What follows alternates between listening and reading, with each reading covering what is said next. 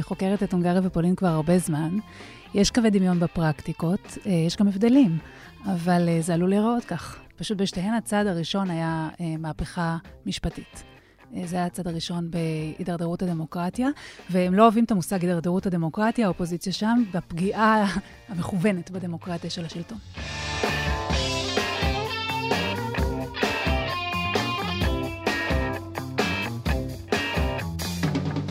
ברוכים הבאים למרקרים, פודקאסט סוף השבוע של דה מרקר. ההזדמנות שלכם לקחת פסק זמן ממחזור החדשות היומיומי ולצלול איתנו לאירועים, לאנשים ובעיקר לרעיונות מאחורי החדשות. כאן באולפן איתכם כמדי שבוע גיא רולניק.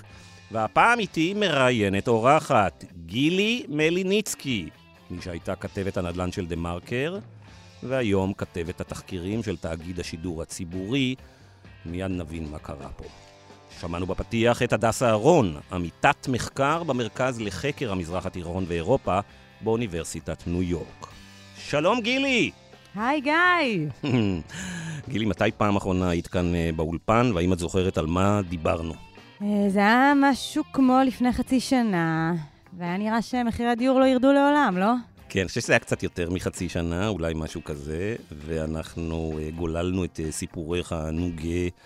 והעצוב איך זה, למרות שהיית כתבת נדל"ן הרבה מאוד שנים בדה מרקר, לא קנית דירה, וכל פעם אמרת שנה הבאה, שנה הבאה, שנה הבאה, ואז המחירים הכפילו את עצמם, ואז פשוט הגעת למסקנה שזה כבר לא רלוונטי, את לא יכולה לקנות דירה. אז מה קרה? קנית דירה? לא, התשובה היא לא. הבנתי, אז פשוט השלמת עם המצב, ואת חיה איתו בטוב. אה, אני לא משלימה עם המצב, אני מקווה שיום אחד נראה פה מציאות אחרת, ממשלה אחרת. אני אופטימית. בגלל זה עברתי לתאגיד השידור, לא? הבנתי, אז כן, אז אנחנו צריכים לפתוח את העניין הזה ולספר למאזינים שפעם אחרונה שהיית כאן, היית uh, כתבת הנדל"ן של uh, דה מרקר, וכמה שבועות אחרי הפודקאסט שמעתי שעברת לתאגיד השידור הציבורי. אז זה משהו שקרה פה בפודקאסט שלא אהבת, משהו שקרה פה במרקר. ספרי מה היה, מה גרם לך לקום ולנטוש. דה מרקר היה בית מצוין ואהוב עליי מאוד. וכשנפגשנו סיפרתי לך גם על תחביביי האחרים, אה, בחוג לקולנוע, אה, חיבת הסרטים שלי. החלטתי שזה יכול להיות תזמון מעניין אה, לנסות גם דברים אחרים. יפה, וכמו שלא הבנת לאן הולכים מחירי הדירות ככתבת נדל"ן, גם כמומחית לטלוויזיה, קולנוע ופוליטיקה, פספסת לחלוטין ועברת לתאגיד השידור הציבורי רגע לפני ששר התקשורת מודיע שהוא סוגר אותו. כל הכבוד לך, גילי. גיא רולניק, אני שומעת יהירות, ביטחון, בזה שלא יגיעו גם אליכם יום אחד. אין שום דבר, זה פשוט אה, הומור של לוזרים. יגיעו גם יגיעו, אין ספק שברגע שיתקדמו, ברגע שיקחו את בית המשפט העליון ותאגיד השידור הציבורי, אה, הארץ ודה מרקר יהיו כמתחווי אה, יד, יגיעו גם אליהם, זה רק עניין של זמן. אני בטוח שטובי המשפטנים כבר חושבים על חוקים שיגבילו את... העיתונות גם הפרטית, אין לי ספק בזה, אנשים שם מאוד יצירתיים ונחושים. ובעיקר, אני חושבת שבמקום שבו נסגרים גופי תקשורת, לכולנו צריכה להיות סיבה לדאגה. יפה. אז uh, גילי, הנושא שלנו היום בפודקאסט הוא uh, כפול. אנחנו קודם כל נדבר על עיתונות ועל המפגש שלה עם רשויות מקומיות, עם מה שקורה בעיר וברשות המקומית הקרובה uh, לביתנו. אנחנו נדבר על uh, הקשרים בין ראשי ערים והשחקנים ומקבלי ההחלטות בעיריות לבין העיתונות ולבין שאר המוסדות הדמוקרטיים.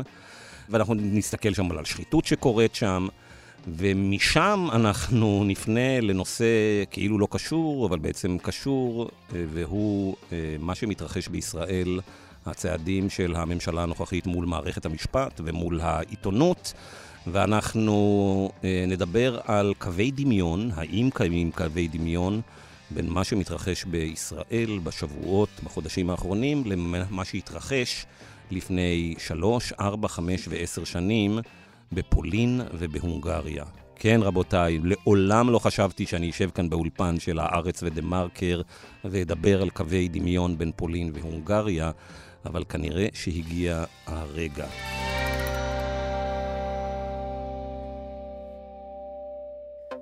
היי, אני נטע אחיטוב, ואני רוצה לספר לכם על פודקאסט חדש, מדעי הארץ. פודקאסט המדע של עיתון הארץ והאוניברסיטה העברית בירושלים. בפודקאסט הזה אנחנו עונים על השאלות שמאחורי השאלות. איך המציאו המצאות פורצות דרך ומה הופך אותן לכל כך חשובות. בכל פרק נגלוש על גלי המאורעות, המחשבות והתקופה, וננסה להבין את הסיפור מאחורי ההמצאות והתגליות הגדולות בהיסטוריה. במושגים של היום הוא uh, משהו בין מגלומן שמכופף את הכללים למישהו עם אתיקה מאוד מפוקפקת. איינשטיין כבר היה סלב אז, לכל מקום שהוא הלך, הלכו איתו הרבה אנשים. כל האישיות של בני אדם, טוב ולרע, נמצאת במדע. אז חפשו מדעי הארץ בכל מקום שבו אתם מאזינים לפודקאסטים. גילי, איפה השיחה הזאת אה, תופסת אותך? קודם כל, אה, בואי תספרי לי על ה... איך את רואה את הצעדים האחרונים של הממשלה בנושא שינוי מערכת המשפט בישראל, בעצם סוג של הכפפתה לפוליטיקאים. אני חושבת שאולי מה שמדאיג אותי יותר זה היכולת שלנו שלנו, של הציבור, של התקשורת, אל מול אה, כל הצעדים שאנחנו רואים ביחס גם למערכת המשפט וגם אה, לסגירת גופי תקשורת, לעצור את מה שקורה פה. זאת אומרת, אני באמת, ובאמת שואלת את עצמי בשבועות האחרונים, אחרי ההפגנות שאנחנו רואים, האם יש משהו שיכול לעצור או להניע את הממשלה החדשה מהצעדים עליהם היא הכריזה והולכת אה, באמוק. ואני חושבת שזה מאוד מתחבר גם לדיון שלנו פה היום, לגבי מקומם של כלי התקשורת והתארגנויות אזרחיות, פוליטיות בהקשר הזה. אה, ואם להגיד את האמת, סיפרתי לך על זה. כשאני אה, מסתובבת בהפגנות בשבועות האחרונים, אני פחות ופחות רואה אה, אנשים בני גילי ודורי שנמצאים, אלא הרבה יותר כאלה שדומים לוועד הבניין של ההורים שלי, או לסגל אה, המורים אה, שלימד אותי באוניברסיטת תל אביב. אני חושבת שזו אולי אחת מה, מהסיבות היותר גדולות שלי לדאגה. זאת אומרת, שהציבור...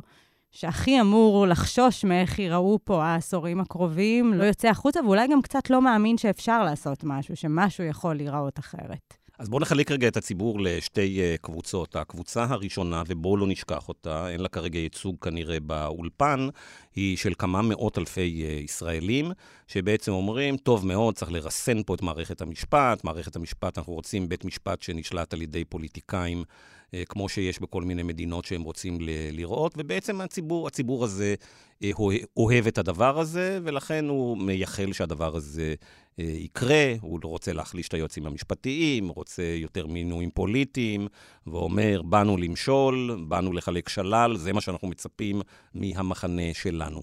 לעומת זאת, יש קבוצה מאוד גדולה שמתנגדת לזה, ואז השאלה היא, מדוע ראינו במוצאי שבת האחרונים רק 80 אלף איש ולא 800 אלף איש? איפה נמצאים כל האנשים שלא מרגישים בנוח עם זה, וספציפית, אם לחזור למה שאמרת, איפה נמצא הדור יותר שלך, של אנשים בגילאים של 30 ו-40, ולא נניח בגיל אה, אה, שלי, של אנשים של 50 פלוס. ואני אגיד גם בתוך אה, האמירות שלך, אני לא חושבת שזה... זאת אומרת, ראינו בשנים האחרונות הרבה אי-אמון במערכת המשפט מצד uh, כל הציבור. זה לא רק uh, מחנה פוליטי אחד שחושב שמערכת המשפט בישראל זקוקה לעשות איזשהו בדק בית, ואני חושבת שזה נכון גם לגבי כלי התקשורת ומידת הייצוג. השאלה היא איך התהליכים האלה נעשים, מי קובע מה ייראה בסוף, האם מתקיים דיון שמכבד את האזרחים, או יש פה רגע אחד שבו מחליטים ואת מי זה משרת בעיקר. ואני מרגישה שהדברים האלה קצת אה, מתרחשים מבלי שהתקיים סוג הדיון שאני הייתי רוצה כאזרחית לשמוע את אה, נבחרי הציבור שלי מקיימים, ובסוף אני שומעת או חשופה להרבה אינטרסים אה, אישיים, צרים, שלא הייתי רוצה שהם מה שיניעו את האופן שבו מתקבלות החלטות כל כך מהותיות על איך שתראה מערכת המשפט שלנו, למשל. אוקיי, okay, אז במעבר uh, אחד uh, מזה, אנחנו בואו נדבר קצת על עיתונות, ובואו נדבר קצת על השלטון, ויש לנו אורח מיוחד באולפן, שהוא בעצם uh, כוכב טלוויזיה גדול, אני לפחות חושב את זה, יש לו תוכנית מדהימה בטלוויזיה, בתאגיד השידור הציבורי.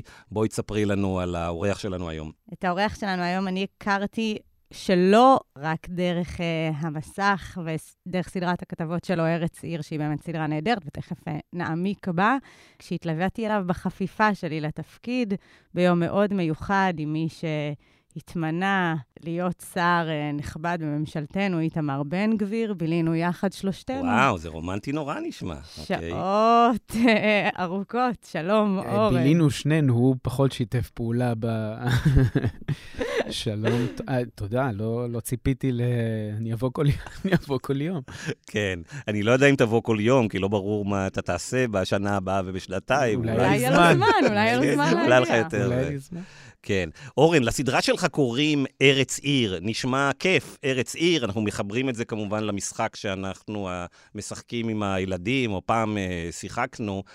אבל למעשה זו סדרה אה, מחד מדהימה, מצד שני היא מדכאת בצורה מטורפת. אתה עובר וסורק את כל מדינת ישראל ומגיע לערים ולרשויות המקומיות, ובעצם אומר לנו, אזרחי ישראל, מדובר פה במערב הפרוע. ראשי ערים וידידיהם, הקבלנים והספקים, שודדים אתכם, הורסים לכם את איכות הסביבה, מחבלים לכם בתחבורה, ואף אחד לא מתריע. אין כלבי שמירה ברמה של המוניציפלית. ואני אלך יותר מזה, זה לא רק שלא מתריע. לא הלכתי מספיק. לא, אני אלך יותר מזה, כי זה לא רק ש, שאף אחד לא מתריע, זה גם לאף אחד לא אכפת. אני עשיתי יותר מ-30 פרקים, ובחלק מהפרקים יש כמה עיריות, כמה רשויות, אז, אז זה יוצא יותר. אתה יודע, כשיצאתי לדרך, אז ציפיתי שמתישהו מישהו יתעורר, שמתישהו מישהו יבין שאוקיי, אני מנסה לספר את זה קצת מצחיק, ועושה קצת דברים שהם קצת עם הומור, כדי שהצופים יתחברו לזה יותר, וזה לא יהיה נורא קשה ועם פטיש בראש כל הזמן, אלא להמחיש את האבסורד, וציפיתי שמישהו יבוא, מישהו, אחד, מהכנסת, מהממשלה, משרד הפנים, פקידות, יועצים משפטיים, פרקליטות, משטרה, מישהו אחד שיבוא ויגיד, רגע, יכול להיות שיש פה משהו בעייתי. יכול להיות שצריך לנער פה משהו. יכול להיות, האם באמת הכל עד כדי כך מושחת? ואני אומר כן. עכשיו, השחיתות פה, הבעיה היא שאנחנו לא מרגישים אותה תמיד. אני אתן דוגמה. התחלתם uh, שיחה נחמדה שגילי מחפשת דירה. כבר לא, כבר לא ירדה. כבר. לא? כן. אז אני יכול להכיר לך, לצורך העניין, את ראש עיריית עפולה. שראש עיריית עפולה, בזמן שהוא מכהן כראש עיר, הייתה לו, עכשיו הוא העביר את זה לבן שלו, אוקיי? חברת נדל"ן, שהוא מוכר את הדירות בתוך העיר עפולה. שלום ראש העיר, שלום וברכה, צהריים טובים. שמח שאתה יוצא אלינו. מה זאת אומרת? שמח שאתה יוצא לדבר איתנו. ודאי, למה לא? זה נראה לך הגיוני שראש רשות, יש לו פה חברת בנייה ואתה מוכר דירות בזמן שאתה ראש רשות? לא, אני לא מוכר את הדירות ואני לא אז מי מתעסק מוכר? במכירה. מי אתה שמנהל את מקבל הקלות. אתה מקבל הקלות. אז קודם כל, עיריית עפולה ברוב שכונות העיר נוקטת ב-100% הקלה. אבל. ראש העיר, אבל זה לא הגיוני. שמה? זה לא הגיוני שמה? שיש לך פה חברות שעוסקות בשיווק של נדל"ן, זאת אומרת, שמה שאתה ואתה אומר, בונה אם בעיר. היו אומרים, אם היו אומרים, בצורה מאוד ברורה בחוק, אבל זה החוק, שאין- אני לא, הקראתי לא, לא, לך את אתה טועה, החוק. שאין דבר כזה, ש- שראש עיר לא יכול להיות יזם. אז לא היה צורך בניגוד עניינים. לכן יש הסכם שעליו אני חתום מהיום הראשון, שבו כתוב במפורש מה מותר ומה אסור. עכשיו, זה עבר את היועץ המשפטי של עיריית עפולה. כשאני מגיע, לי אין השכלה משפטית, ואני אומר, תקשיבו, זה לא עושה שכל, יש פה בעיה. אז הוא אומר לי, לא, הכל בסדר. וכשאני מוציא את הכתבה הזאת ואני אומר, חברים, יש פה ראש עיר שמנהל עיר. עכשיו, מי שלא מבין, כל החלטה של ראש עיר יכולה להיות קשורה לנדל"ן שלו. איפה סוללים כביש, איפה בונים בית ספר, איפה שמים מרפאה, מה מתי מחליטים. מוציאים לו היתר, באיזה קצב, האם הכל, הוא קיבל הכל. זכויות עודפות, שורה של החלטות שאמורות בעצם להתקבל. ראש, נכון. עיר, ראש העירייה הוא יזם נדל"ן. יזם נדל"ן בעיר שלו. זה מה שאומרים, אין ניגוד עניינים, יש זהות עניינים. בדיוק. כן. ו- וכולם. וכולם, וכ- ואף אחד לא מרים דגל. עכשיו, אני מגיע עם זה למשרד הפנים. זה היה לפני שנה. אני הגעתי ל- למשרד הפנים בינואר, ביקשתי מהם תגובה על הדבר הזה, עברה שנה. אנחנו בינואר 23, עוד לא קיבלתי ממשרד הפנים.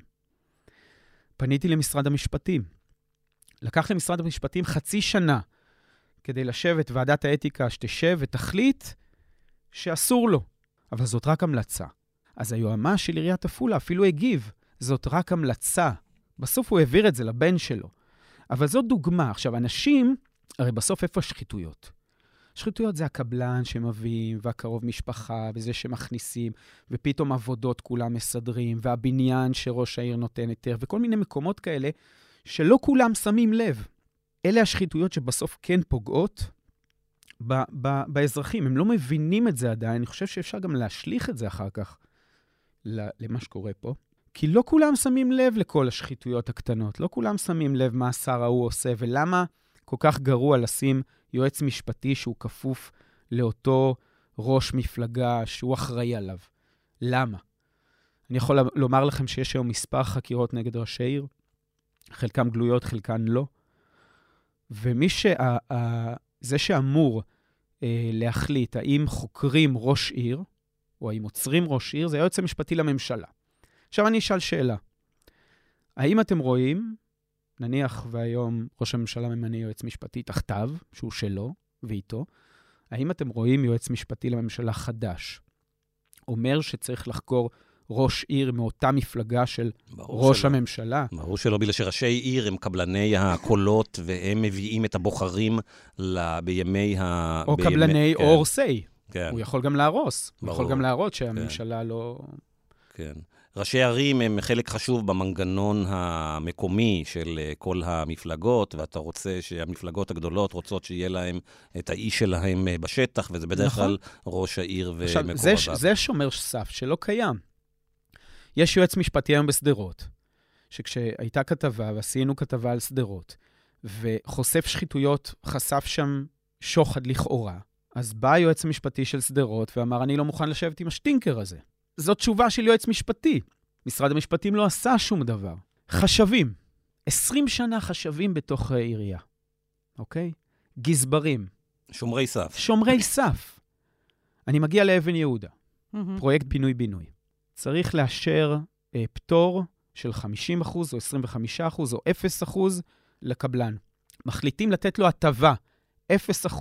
ראש המועצה מצביע בעד, ואז מתגלה שלראש המועצה יש דירות באותו פרויקט. אחר כך הוא הבין את זה. אז הוא דיבר עם היועצת המשפטית ועשו שוב הצבעה, אבל כולם כבר יודעים מה הוא הצביע. לגזבר, אגב, שגם הוא שומר סף, גם לו לא יש דירות שם, אבל הגזבר יצא. ראש המועצה לא יצא. המועצה החליטה בעד אפס ושלושה, בעד 50 אחוז השבחה. שלום, אבי. אתה יודע מה הבעיה? אני לא יודע מה הבעיה. אוקיי. אני יודע שהייתה בעיה קטנה. מה הבעיה הקטנה? הבעיה שאני קיימתי ישיבה על היטל השבחה. האמת, לא שמתי לב שזה מתייחס על הכל. לא שמת לב שגם לך לא, יש, לא. שזה יש תוכנית לי, שיש לא, לך. לא, לא, לא שייך, לא שייך. ולא שמעת את זה בדיון? יכול להיות, היה רעש, לא כל, לא כל כך קלטתי, אני בן אדם. ואז אמרתי, סטופ. ביטלנו את הישיבה ועשו ישיבה חדשה. ואני לא נוכחתי בישיבה. מודה ועוזב ירוחם, מה, מה, מה, איזה בעיה? טעה, טעות, טועים, טעינו. מה שאני אומר זה, איפה שאתה שם מבקרים, שומרי סף, תבדוק בבית ג'אן מתי הייתה הביקורת האחרונה. משהו כמו 7-8 שנים. אני מגיע לשם, איפה אתה? מה אתה, מה אתה עושה? מה אתה עושה כל היום? ארבע שנים, חמש שנים לא הוצאת ביקורת. הרי יושב ראש ועדת ביקורת צריך להיות יו"ר האופוזיציה. עכשיו, יש דבר בעיריות שאין בה, ממש... בה ב... בשלטון הגדול, המרכזי, מה שנקרא, בכנסת ובממשלה. אין הסכמים קואליציוניים. לא חייבים לחתום על הסכמים קואליציוניים. ברגע שאתה לא חותם על הסכמים קואליציוניים, אתה לא יודע מי באופוזיציה ומי בקואליציה. ואז ראש העיר יכול להציב חבר שלו כיו"ר ועדת ביקורת. וזה, מה שעושים. עכשיו, אני מבקש, ת, תגידו לי, מי, מי באופוזיציה ומי בקואליציה? לא, לא יודעים להגיד לי אפילו מי באופוזיציה. גילי, תתרגמי את מה שאורן uh, מספר לנו uh, בתור מי שהייתה כתבת נדל"ן הרבה מאוד שנים. תתרגמי את זה למאזין uh, שלנו, איך זה בעצם נוגע בו ופוגע בו כתושב של הרשות המקומית, כמשלם מיסים, כמי ששולח את הילדים שלו לבתי ספר, כמי שמשלם ארנונה. אני לא חושבת שצריך להיות uh, כתבת עורכת נדל"ן כדי לתרגם את מה שאנחנו שומעים פה. זה ביזוי של כספי משלם המיסים. זה מעילה בתפקיד. זאת מעילה בתפקיד גם של אלה שיושבים שם, וגם של אנשי משרד הפנים, שאתה מגיע אליהם ומנסה להבין מה קורה, והם לא, אין עם מי לדבר. באמת, אני אומר, אין עם מי לדבר. אני פונה אליהם ופונה אליהם. מה הם עושים בדרך כלל? פונים לעירייה, מקבלים מהם תשובה, ואומרים, זה מה שהעירייה הגיבה, והם מסתפקים בזה. אין, אורן, אבל בדיקה. הסיפור הזה, זה בסוף אה, יחסי כך תן. זאת אומרת, בעיניי השלטון המרכזי עוצם עיניים מתוך כל האירוע. בוודאי. לנוכח כל הדברים האלה. בוודאי. כי הוא ניזון מזה. זאת אומרת, ברגע שהם קבלני הקולות, אין להם שום מוטיבציה בעצם לעשות התערבות, ויותר מזה, אני חושבת שבמשך שנים ראינו את משרד הפנים, נניח, מדבר על לעשות את אה, אה, מהפכת אה, הריכוזיות והביזוריות. זאת אומרת, לוותר על המצב המעוות שבו יש בישראל 257 רשויות מקומיות, שרובן מתנהלות לא כמו שצריך, ונשענות על כספי השלטון המרכזי. ובמקום לקחת את הצעד הזה קדימה, לאגם משאבים, לאחד את ההתנהלויות של רשויות מקומיות אחת עם השנייה, ולהפוך לשלטון אה, יותר תקין, שיש לו גם יותר ויותר סמכויות, הממשלה, מזה שנים, נמנעת מלעשות את זה, כי ככה אפשר להכיל כל ראש עיר ולדרוש ממנו את ה... שישלם את הקופון במערכת הבחירות הבאה. אורן, מתוך אה, ראשי הערים, ש- ואתה מסתובב אה, בכל הארץ, כמה מהם נראים לך עיריות שמתנהלות בצורה אה, מושחתת או בעיית, בעיות קשות, וכמה אתה אומר, בואנה, פה דואגים לתושבים, וראש העיר, מעייניו נתונים רק ל, לרווחת התושבים. אני לא יודע לענות לך על זה מהסיבה שאני לא בודק את כל הערים, אני לא עושה איזשהו סקר. כלומר, ש... אני עובד... אנחנו התחלנו בשדרות, ואז הגיע אליי בחור מטירת כרמל. בטירת כרמל פתאום מספר לי שראש העיר אה, לא נותן לו להיכנס למועצה. יושב ראש האופוזיציה לא נותן ל... ראש העיר לא נותן ליושב ראש האופוזיציה להיכנס למועצה. אז באתי והתיישבתי, ואז שאלתי מי יושב ראש ועדת ביקורת, אני רוצה להבין מה קורה פה. אז נתנו לי שם של מישהו שנפטר לפני שנתיים. אז... ומשם עברתי לקריית ים, ופתאום התחלתי להיות מוצף בהמון פניות. אני אגיד בתוך זה שכשאני מדברת עם נציגים מהשלטון המקומי, יש איזה קריאה, ל- זה תמיד קריאה קצת מהאופוזיציה או מאנשי המקצוע פר אקסלנס, של מעין כזה, אנחנו מחכים שארץ עיר כבר יגיעו אלינו, כדי שמישהו ינער פה את הסיפור מצד אחד. מצד שני, זה רק מראה עד כמה אין בעצם שום ביקורת ופיקוח. וגם אני חושבת, וזו שאלה שמעניינת אותי, מה קורה ביום שאחרי? זאת אומרת, עברה שנה, היית לפני שנה בקריית ים. משהו השתנה מאז? מישהו עוקב אחרי האירוע הזה? אני מנסה לעקוב עד כמה שאני יכול, אבל אה, כמה כתבות אני יכול לעשות על אור עקיבא? שיש שם ראש עיר שהוא, אה, שהוא תחת כתב אישום, בקושי מתפקד, לא היה לו מנכ"ל, לא היה לו מהנדס, לא היה לו דובר, לא היה לו אה, וטרינר, לא היה שם כלום. היה שם ממלא מקום שהתגאה שההישג היחיד שלו זה כמעט איחוד עם קיסריה. כמה אני יכול לעשות על טירת כרמל? אז אני מגיע פעם אחת, אני מגיע, אני, אני לא יכול להגיע לכל המקומות האלה, אבל אני רואה שאין ביקורת. אין ביקורת לא מהמדינה, אין ביקורת לא מהעיתונות, אין, אין כמעט ביקורת מהאופוזיציה. צריך להבין את המצב של האופוזיציה היום בעיריות. מישהו שנמצא היום באופוזיציה ברשות מקומית לא מקבל שכר.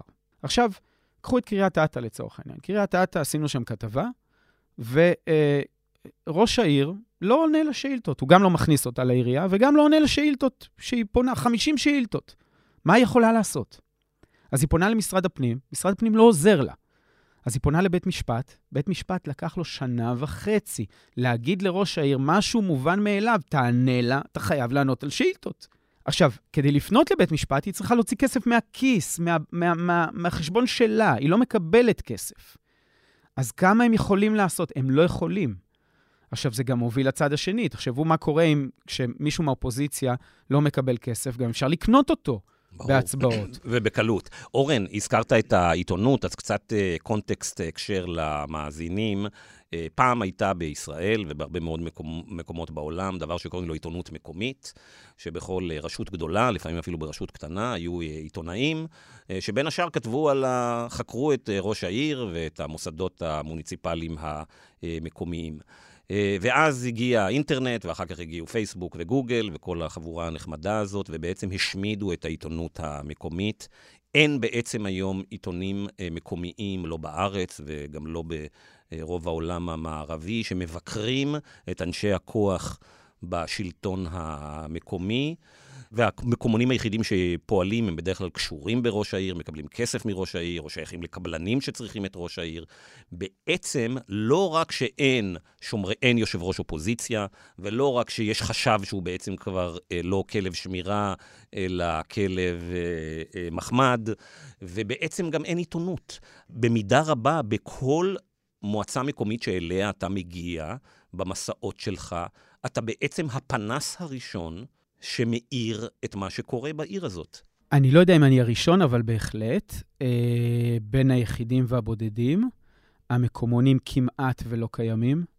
כמו שאמר לי יושב ראש האופוזיציה של טירת כרמל, הוא אמר לי, כשהייתי בקואליציה, פעם היו עושים עליי כתבות, אחרי זה כבר הייתי במדורים האלה של נצפה. היום אני כבר אפילו לא נצפה, אני פשוט לא, לא לא, קיים. לא קיים בכלל.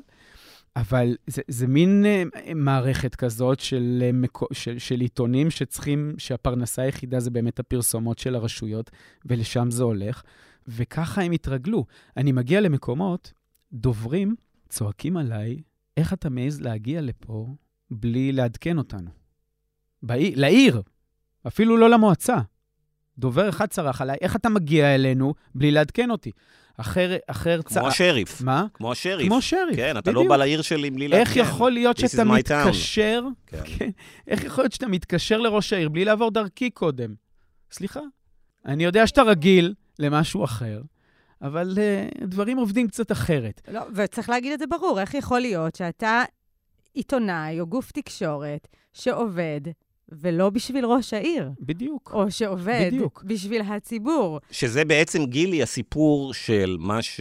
אה, יש עכשיו קמפיין ל- לסגור את אה, ש- תאגיד השידור הציבורי, או למרוט אותו, או להכות בו, או להרוג אותו, והרבה מהאנשים שתומכים, טוב, בסדר, יש את ראש הממשלה ואנשיו שרוצים לעשות את זה, אבל חלק מהתמיכה שהם מקבלים מאנשים שאומרים, בוא נפריט את הכל, למה אנחנו צריכים כספי משלם המיסים? בוא נפריט את הכל. ערוץ 12 שייך לקוקה קולה, ערוץ 13 שייך ל- למיליארדר אה, בריטי שיש לו את נשר, אז בוא שגם אה, תאגיד השידור הציבורי יהיה שייך לאיזה מיליארדר. ובעצם מהסיפור שלך, של הרשויות המקומיות, אנחנו רואים שבמקום שבו העיתונות, אנחנו נשענים על עיתונות רק כאשר היא ביזנס, או שאין עיתונות בכלל, או שיש עיתונות שמשרתת את מוקדי הכוח. או כשהולכים לשם כשמישהו נרצח, או כשיש פיגוע. מתי עשו כתבה לאחרונה על uh, קריית אתא וטירת כרמל? מתי מישהו יודע בכלל איפה זה אל-בטוף? כן. מועצה. אז השאלה האחרונה בעצם, כדי לסכם את, ה, את מה ששמענו פה ב-20 דקות האחרונות, היא בעצם כזה, כזה דבר. אתה משוטט ברשויות, בשלטון המקומי בישראל בשנתיים האחרונות, ואתה רואה איך נראה אה, המרחב הציבורי ומקבלי ההחלטות במקום שבו כלבי השמירה לא קיימים או לא מתפקדים.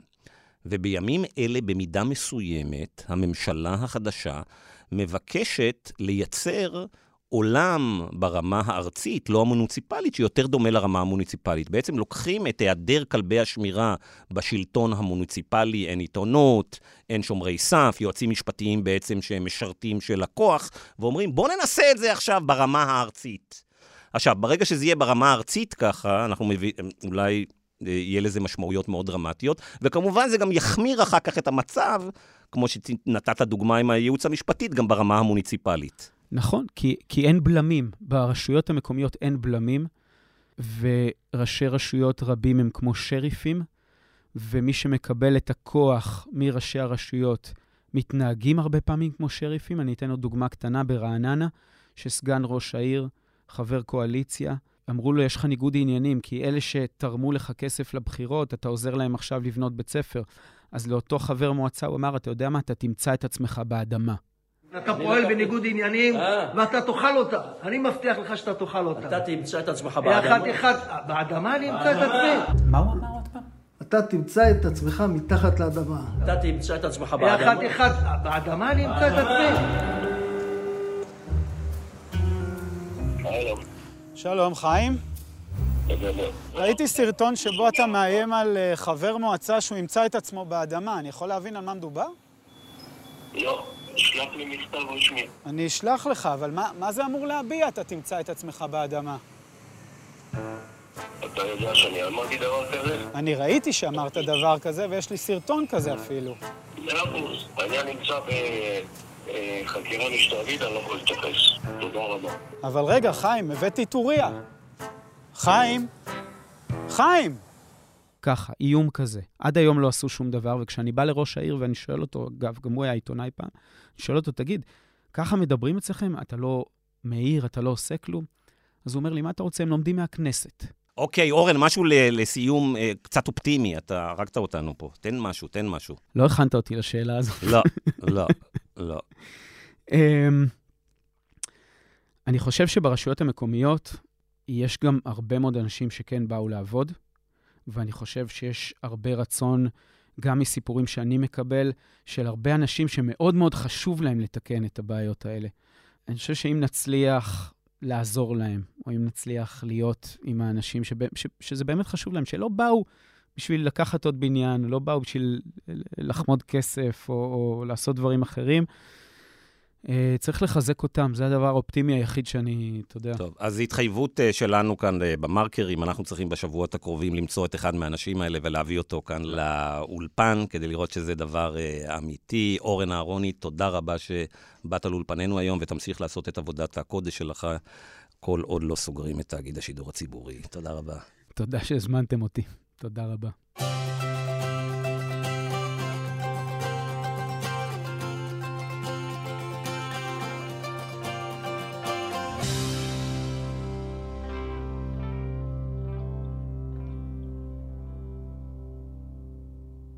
שלום להדס אהרון. שלום. הדס, בשבוע שעבר אה, פרסמת מאמר במגזין האינטרנט אה, תלם, תחת הכותרת ישראל בדרך להפוך למדינה בנוסח הונגריה ופולין. כך זה עלול להיראות. תגידי לי, את השתגעת? אה, לא, לא השתגעתי, אני חוקרת את הונגריה ופולין כבר הרבה זמן. יש קווי דמיון בפרקטיקות, יש גם הבדלים, אבל זה עלול להיראות כך. קודם כל, אני חייבת להגיד, פשוט בשתיהן הצעד הראשון היה אה, מהפכה משפטית. אה, זה היה הצעד הראשון בהידרדרות הדמוקרטיה, והם לא אוהבים את המושג הידרדרות הדמוקרטיה, האופוזיציה שם, בפגיעה המכוונת בדמוקרטיה של השלטון. כן, אז איך זה, איך זה קרה? איך זה התחיל? מתי זה התחיל? אז אה, זה קרה כשמפלגות שלטון מאוד קיצוניות הגיעו לשלטון, אבל מה שמעניין זה שכמו בישראל, המפלגות האלה היו בשלטון לפני זה, הם פשוט הקצינו, ואז כשהן עלו לשלטון פעם נוספת, הן uh, עשו שינויים מאוד מאוד מהפכניים. Uh, ב-2010, בהונגריה, ויקטור אורבן עלה שוב לשלטון, הוא היה ראש ממשלה לפני זה, בין 98 ל-2002, uh, וכשהוא עלה שוב לשלטון ב-2010, הוא מיד נכנס בבית המשפט ועשה רפורמות חוקיות מאוד מרחיקות לכת, כולל גם כתיבת חוקה חדשה. אה, ובפולין ב-2015, מפלגת אה, חוק וצדק אה, עלתה לשלטון, וגם הצעד הראשון היה מהפכה משפטית מאוד עמוקה. כן, אז כל פעם שאתה שומע חוק וצדק, אתה צריך לדעת שהכיוון... אין פה לא חוק ולא צדק. כן. בהחלט. לא, בשני המקרים האלה, מה שמעניין זה שהטיעונים של המפלגות האלה היו טיעונים מאוד חזקים, כביכול, לעשות מהפכה אה, משפטית. יותר חזקים, אגב, מבישראל, כי בתי המשפט שם היו הרבה יותר אקטיביים ואקטיביסטיים, אם תרצה, מבישראל, והרבה יותר ליברליים מבישראל, ומפלגות השלטון תמיד היו יותר חלשות אפילו מבישראל, ככה שהיה באמת חוסר איזון מסוים, לא בגלל שהשופטים אה, בהכרח, אה, אתה יודע, לא מאיזה כוונה זדונית, אבל היה חוסר איזון באמת בין המוסדות. היו בתי משפט מאוד מאוד חזקים ומאוד אה, ליברליים, אבל למהפכה לא היה באמת קשר לזה. כלומר, המהפכה באמת רצתה לשרת מטרות אחרות ופשוט השתמשה בסיטואציה הזו, או מפלגות השלטון השתמשו בסיטואציה הזו כדי לשבור את uh, בית המשפט החוקתי. מה זה לשרת מטרות אחרות? אז זה, זה שונה בהונגריה ופולין, בגלל זה, זה גם לדעתי שונה בישראל, כל אחד והמטרות שלו. פה יש מטרות מגוונות לכל אחד, כל מפלגה והמטרות שלה לשבור את בית המשפט. בהונגריה, מפלגת השלטון היא מאוד מאוד מושחתת. והמטרה היא להישאר בשלטון ולהמשיך את השחיתות. מקורבים, זוכים במכרזים, הם, הם בנו אליטה כלכלית חדשה של מקורבי מפלגת השלטון, מאוד מאוד חזקה, ויש קשר, המפלגה יונקת מהמדינה, והיא צריכה בשביל זה שלא יהיה בית משפט חזק, או לא יהיה בית משפט בכלל. אז זה פשוט שבירה של שלטון החוק. בפולין זו מדינה הרבה פחות מושחתת, אבל זו מפלגה מאוד קיצונית מבחינה אידיאולוגית, מאוד שמרנית, מאוד דתית. ויש לה אג'נדה ברורה לשנות את האופי של המדינה לכיוון יותר שמרני, יותר דתי, יותר לאומני, וזה מה שהיא עושה. בשביל זה היא הייתה צריכה לשבור את בית המשפט. ואת ישראל, איפה את שמה על הציר הזה? רגע, אני חושב שזה פנטסטי מה שהיא אמרה בעצם. היא אמרה שבישראל יש לנו גם הונגריה וגם פולין. זה בדיוק מה שבאתי לשאול. על הציר הזה, לאן אנחנו יותר קרובים, שאנחנו מצליחים להציג באמת איזה שילוב מושלם. תראו, יש גם דברים שישראל יותר בסדר בהם, קודם כל. ברור, לא, ברור, אנחנו כן, עכשיו לא, לא, צריך להיות מאוד אפלים, כן. אבל בהקשר הזה, באמת בישראל, בניגוד למדינות האלה, יש אה, קואליציה, שם אין קואליציה, פחות או יותר יש מפלגת שלטון, היא מורכבת קצת ממפלגות, אבל בגדול יש מפלגת שלטון די אחידה. בפולין יש קצת יותר סדקים.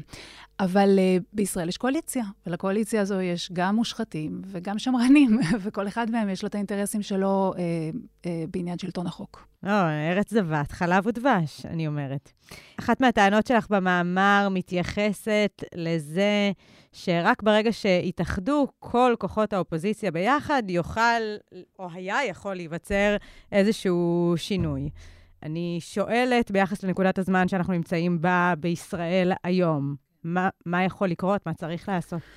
תראו, מפלגת השלטון, או סליחה, קואליציית השלטון בישראל היא לא בלתי שבירה. זה נראה ככה, וזה נראה מאוד מאוד מפחיד, אבל זה לא כאילו היא לחלוטין אה, בלתי שבירה. זה מאוד חשוב, הנקודה הזו בזמן, כי השינויים שנעשו בהונגריה ופולין הם בלתי הפיכים, או לפחות... בלתי הפיכים זה אולי קשה, קשים מאוד להפוך אותם. בייחוד בהונגריה, בגלל השחיתות המאוד קשה הזו, שקושרת את המפלגה לשלטון, היא לא יכולה לאבד את השלטון, זה לא סתם אה, אחד ילך לכלא, יש שם שורה של אנשים שיונקים מה, מהשלטון. אז זה נהיה, הולך ונהיה קשה, כי הם עושים צעדים, הם שוברים את החברה האזרחית, הם שוברים את האופוזיציה, אין תקשורת חופשית, שזה משהו מאוד מאוד מהותי בהונגריה. זה, זה לא נעשה ביום אחד, זה לקח שנים. שני העיתונים הגדולים שהיו פעם בהונגריה, שניהם נסגרו ב-2016 ו-2018. והשידור הציבורי, הם לא סגרו אותו בהונגריה, להפך, לא בהונגריה ולא בפולין, הם הכפיפו אותו לשלטון בכל מיני דרכים. ככה שזה הולך ונהיה קשה. אז במקרה ההונגרי, היו בחירות עכשיו, וכל המפלגות, בחירות uh, ב-2022, במרץ, היו בחירות, וכל המפלגות באמת התאחדו יחד. אין להם במשותף כמעט כלום, אבל הם כולם התאחדו יחד כדי להילחם במפלגת השלטון. זה היה נראה הרבה פעמים כאילו זה די קרוב, והם הפסידו הפסד מוחץ. הם, הם איבדו יותר קולות ממה שהם היו בנפרד, שזה אבסורד, כי בקושי יש להם uh, מושבים גם ככה. אז זה, הם פשוט לא יכלו להעביר שום נרטיב דרך התקשורת. זה היה מאוד מאוד קשה, וזה למרות שמפלגת השלטון היא לא מפלגת, מפלגה מאוד טובה או מוצלחת. זה פשוט הולך ונהיה קשה. ולכן הרגע הזה שאנחנו נמצאים בו הוא רגע מהותי לעשות את המאבק הזה. לא בעוד חמש ועשר שנים, כשזה הולך ונהיה עוד יותר ועוד יותר קשה. וכמובן, הסוגיה הדמוגרפית היא אחרת בשתי המדינות האלה מאשר כאן. כן, הדס, חלק מהמאזינים שלנו שמקשיבים לך עכשיו אומרים, בואו חבר'ה, אתם הגזמתם, כן. ישראל היא לא הונגריה ופולין. אז אולי תתארי לנו איך האליטה ואיך הציבור ההונגרי והפולני תפס את הסיכון שהמדינות האלה יידרדרו להיות סוג של אוטוקרטיות לפני חמש ועשר שנים. האם זה גם הפתיע אותם? האם הייתה שם אליטה שוות נפש, אדישה? מה קרה? האם זה נחת עליהם יום אחד? כן, תראה, קודם כל אני רוצה להגיד שישראל היא לא הונגריה ופולין. היא דמוקרטיה יותר ותיקה, עם יותר מסורת דמוקרטית, ו- ומוסדות, גם כשהם בעייתיים, נמצאים בהם אנשים שמבינים את הדמוקרטיה קצת יותר טוב. אני גם רוצה להגיד על בית המשפט בישראל, שהרבה שנים הוא, הוא לא בית משפט... לא יודעת איך בדיוק להגיד את זה, אבל בית המשפט בהונגריה ופולין היה מאוד נאיבי בשימוש שלו בכוח. בית המשפט בישראל הוא לא כזה. Uh, הוא מאוד שומר על עצמו מהמהפכה הזו, גם אם היא תקרה, והיא כנראה תקרה, אבל זה לא בגלל שבית המשפט הלך פה בצורה uh, בלתי סבירה ועשה דברים uh, מאוד uh, מרחיקי לכת. יש פה הבנה הרבה יותר עמוקה של דמוקרטיה ושל uh, uh, תהליכים ליברליים. Having said that, אני חושבת שזה כן בא מאוד בהפתעה אה, בשני המקרים האלה. אלה שתי הדמוקרטיות שהיו הכי מצליחות אה, בעולם הפוסט-קומוניסטי, והכי מבטיחות, הכי מצליחות כלכלית, הכי מצליחות כדמוקרטיה ליברלית, הכי מבטיחות. לא באמת היה סימן לזה. היו כמה דברים. שחיתות גבוהה בהונגריה הייתה גם לפני זה, וזו בעיה.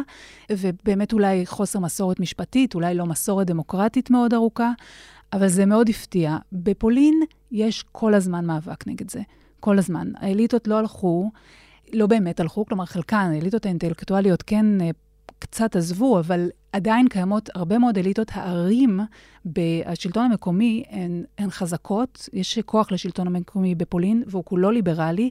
יש עדיין, יש מאבק תמידי ומאוד חזק נגד מפלגת השלטון בפולין כל הזמן. יש בחירות השנה, אני לא יודעת, זה קצת מוקדם, זו הבעיה. הם מובילים בבחירות, האופוזיציה, אבל הבעיה היא שזה מוקדם, ו, ולממשלה יש המון דברים לעשות, כמו לחלק כסף.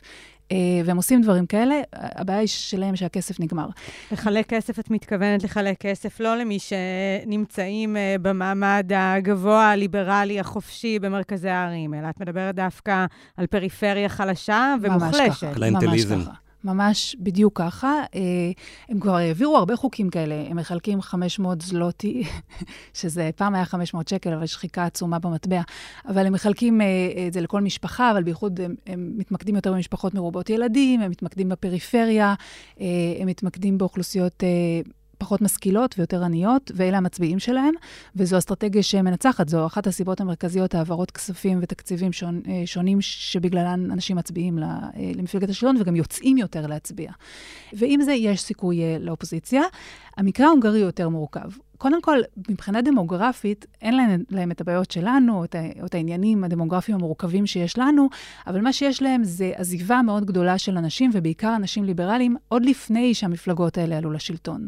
אה, ברגע שהם הצטרפו לאיחוד האירופי, היה אה, brain drain עצום, שחיקה מאוד גדולה של המעמד הליברלי, ואולי עשרה אחוז מהאוכלוסייה, הונגריה היום היא יותר קטנה ממה שהיא הייתה ב-1989, אז הוא פחות או יותר באותו גודל, אבל אה, זה לא בגלל הריבוי הטבעי, זה בגלל עזיבה מאוד גדולה, בדיוק של האנשים האלה, וכמובן עוזבים הרבה יותר מאז שאורבן עלה לשלטון ב-2010, וזו בעיה מאוד גדולה.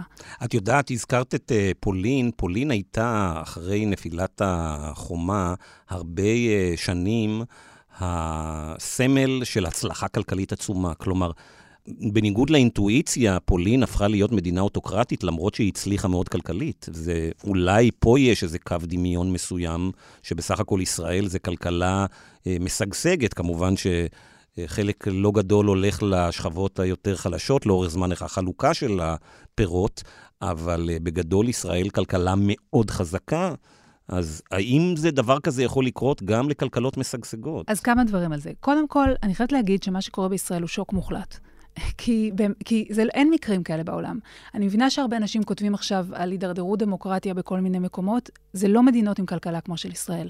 זה, זה במקרה של ונצואלה, ונצואלה זה בא עם קריסה כלכלית, במקרה של הונגריה ופולין, בכל זאת, גם פולין היא כלכלה מאוד משגשגת, אבל היא לא כלכלה חזקה כמו הכלכלה הישראלית. זה שוק. אני לא חושבת שיש עוד מקרים כאלה. כלומר, יש במערב מקומות שהדמוקרטיה לא משהו. אה, בארצות הברית יש שחיקה בדמוקרטיה, אבל משהו כזה, כמו שקורה בהונגריה ופולין, אני לא חושבת שקורה באף מדינה שיש לה כלכלה משגשגת כמו של ישראל. זה שוק. ופולין, כן, היא מדינה משגשגת כלכלית, וזה היה מאוד מפתיע, כי ההסברים הרגילים לא עובדים בעניין הזה, היא גם ממשיכה לשגשג כלכלית. וזה אולי סוגיה קצת מעניינת. היא ממשיכה לשגשג כלכלית מכל מיני טעמים, גם השקעות חוץ, אה, הקשר עם האיחוד האירופי, וגם מפלגת השלטון לא כל כך נוגעת בעניינים האלה, היא הרבה פחות מושחתת מה, אה, ממפלגת השלטון בהונגריה, ועדיין ממשיכים... כיסים מאוד גדולים אה, של שכבות חזקות להתקיים אה, בפולין. זאת אומרת, הם, הם לא הצליחו להכפיף את הכלכלה אה, למפלגת השלטון. הדס, מכל הצעדים שאת רואה עכשיו, שהחברים אה, לוין, אה, סמוטריץ' ונתניהו וקרעי, אה, שר התקשורת, אה, מתכננים אה, לנו, איזה צעד אה, כ, אה, כמי שלומדת את פולין והונגריה אה, הכי מטריד אותך, או שזה אולי רק כל הצעדים ביחד? זה כל הצעדים ביחד. זה לא דבר אחד. כלומר, אפשר לעשות רפורמה משפטית, זה בסדר, אבל uh, כל הצעדים האלה ביחד מתגבשים לכדי, כמו שכל אחד אחר יגיד, ביטול של שלטון החוק. וזו בעיה מאוד מאוד גדולה, זה, כי זה צעד ראשון, זה לא מאוד מטריד בפני עצמו בסך הכל. כן, דמוקרטיה יכולה להתקיים גם ככה, זה מאוד בעייתי, היא לא תגן על זכויות, אבל השאלה היא למה לעשות את זה. מה המניע מאחורי זה, ומה עושים הלאה עם זה? מה הצעד הבא שאתה רוצה לעשות אחרי שאין שלטון חוק? וזו השאלה המאוד מטרידה. זו, זו השאלה המטרידה במקרים ההם. זו רק הייתה ההתחלה, זה היה צעד ראשון. לא יכול להיות לזה מניע חיובי פשוט. כן, איך את מפרשת את האגרסיביות של שר התקשורת החדש בכך שהוא רוצה לרסן, להפריט, לקצץ דוווקא בתאגיד השידור הציבורי?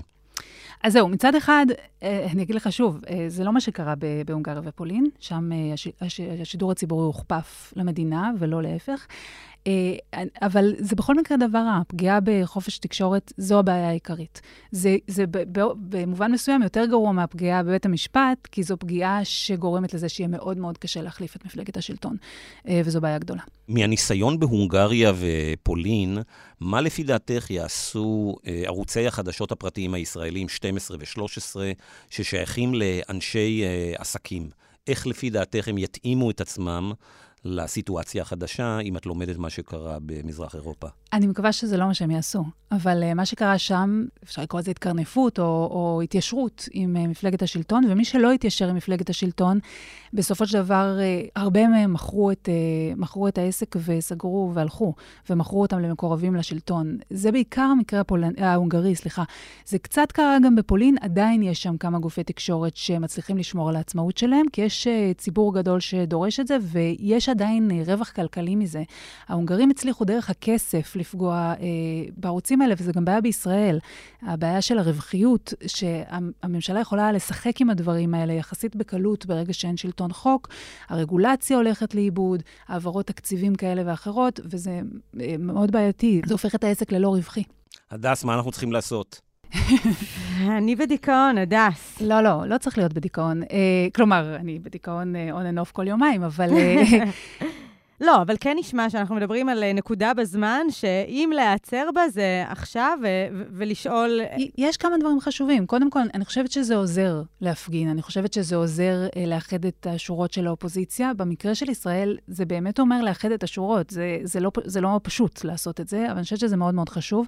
הדבר השני הוא, שוב, להבין שיש סדקים בקואליציה הזאת, צריך גם אסטרטגיה פוליטית. גם בהונגריה וגם בפולין, אסטרטגיה פוליטית על הפנים.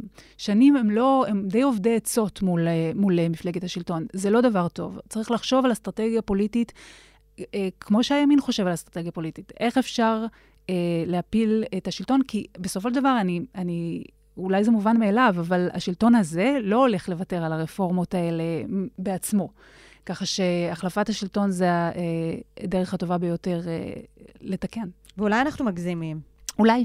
לא, שואלת באמת, כאילו, אולי אה, יושבות פה אה, אליטות אה, ישנות שמנסות לשמור על עצמם ואומרות, סליחה, הלכתם ממש, אבל ממש רחוק. אז אני אגיד כמה דברים בעניין הזה. קודם כל, הטענות של פופוליסטים בקשר לאליטות והעובדה שהן לא מכניסות ציבורים חדשים לתוך אה, אה, מקורות כוח, הן נכונות. זה טענות נכונות. השאלה אם הפתרון שהם מציעים הוא לא פתרון מאוד ציני שמשרת פשוט אליטות אחרות. כלומר, אני בהחלט חושבת שהדברים שמצביעים עליהם כבעייתיים באליטה הישראלית הם נכונים, אבל אני לא חושבת שאלה הפתרונות להם. אה, כלומר, זה פשוט אה, לא, כן, לא זו הדרך. כן, אני חושב שזה בעצם הסיפור הגדול. גדול, שאפרופו אה, דה מרקר והעבודה העיתונאית שאנחנו עושים פה, אז דה מרקר במידה רבה, מאז הקמתו, זה עיתון שמבקר כל הזמן את האליטות הישנות, על השחיתות שלהם, על אי השוויון, על קשרי ההון-שלטון אה, שלהם. ואז מגיעים אנשים שבעצם לוקחים את ה... את הרעיונות האלה, לפעמים אפילו הם לוקחים אותנו ישיר, ישירות מאיתנו, אבל משתמשים בהם לא כדי לכונן משטר צודק יותר, אלא בשביל להגיד, עכשיו תורנו. זה שימוש מאוד מאוד ציני, כי בסופו של דבר, את מי זה משרת? אה, זה, זה פשוט החלפה של אליטה אחת באליטה אחרת, שהיא הרבה פעמים עוד יותר מושחתת מהאליטה הקודמת. זה, זה מה שאני רואה בשני המקרים האלה. כלומר, לא היה פה... אפילו במקרה הפולני, שהם באמת אומרים, בכל זאת נתנו ועשינו, אבל מה שהם נתנו בסופו של דבר זה העברות תקציבים ישירות, אבל לא באמת אה, שינוי מבני של החברה. ולא טיפול בבעיות שורש שהיינו מצפים שבהם יטפלו. בדיוק. הדס אהרון, on this happy note, תודה רבה שבאת לאולפנינו. תודה רבה.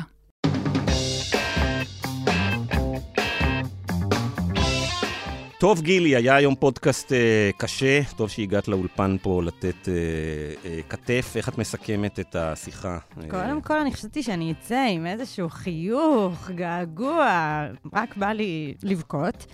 אני חושבת שבהקשר של אה, אורן אהרוני ועבודתו המופלאה, תוך כדי שהוא דיבר וגם תוך כדי צפייה בפרקים האלה, אתה רואה את אה, ההכשרה שאנחנו עוברים כבר ברמה העירונית לזה שבעצם התקשורת לא מגויסת אה, לטובתך, אלא נועדה לשרת אה, מישהו אחר.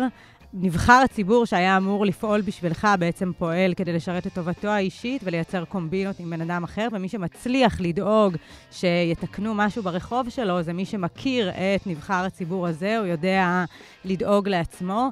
זה הרגיש לי שמה שקורה ברמה המקומית זה הכשרה למה שאנחנו רואים ברמה של אה, השלטון הארצי, ו...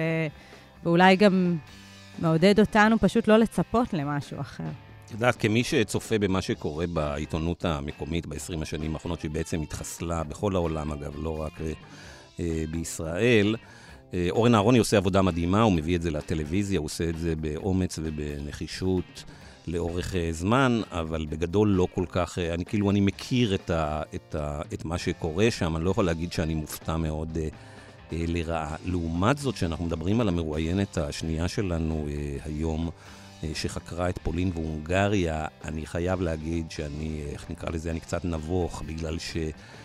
המון שנים אה, שואלים אותי בעולם, עיתונאים אה, זרים, אנשי אקדמיה, פוליטיקאים, אנשי עסקים, שהם קוראים מדי פעם על אה, ממשלת נתניהו שיושבת פה כבר מ-2009, ועל השחיתויות של נתניהו. הם אומרים, תשמע, ישראל זה נראה לא טוב, אה, זה נראה קצת כמו איטליה, כמו הונגריה, כמו פולין. ואני תמיד הייתי מבטל את האמירות האלה. הייתי אומר להם, לא, לא, לא. תראו, ההפך, זה ששלחו פה ראש ממשלה אחד לכלא, את אה, אולמרט, והיה לנו נשיא ששלחו אותו לכלא קצב, זה רק מראה מדוע המוסדות הדמוקרטיים בישראל הם חזקים.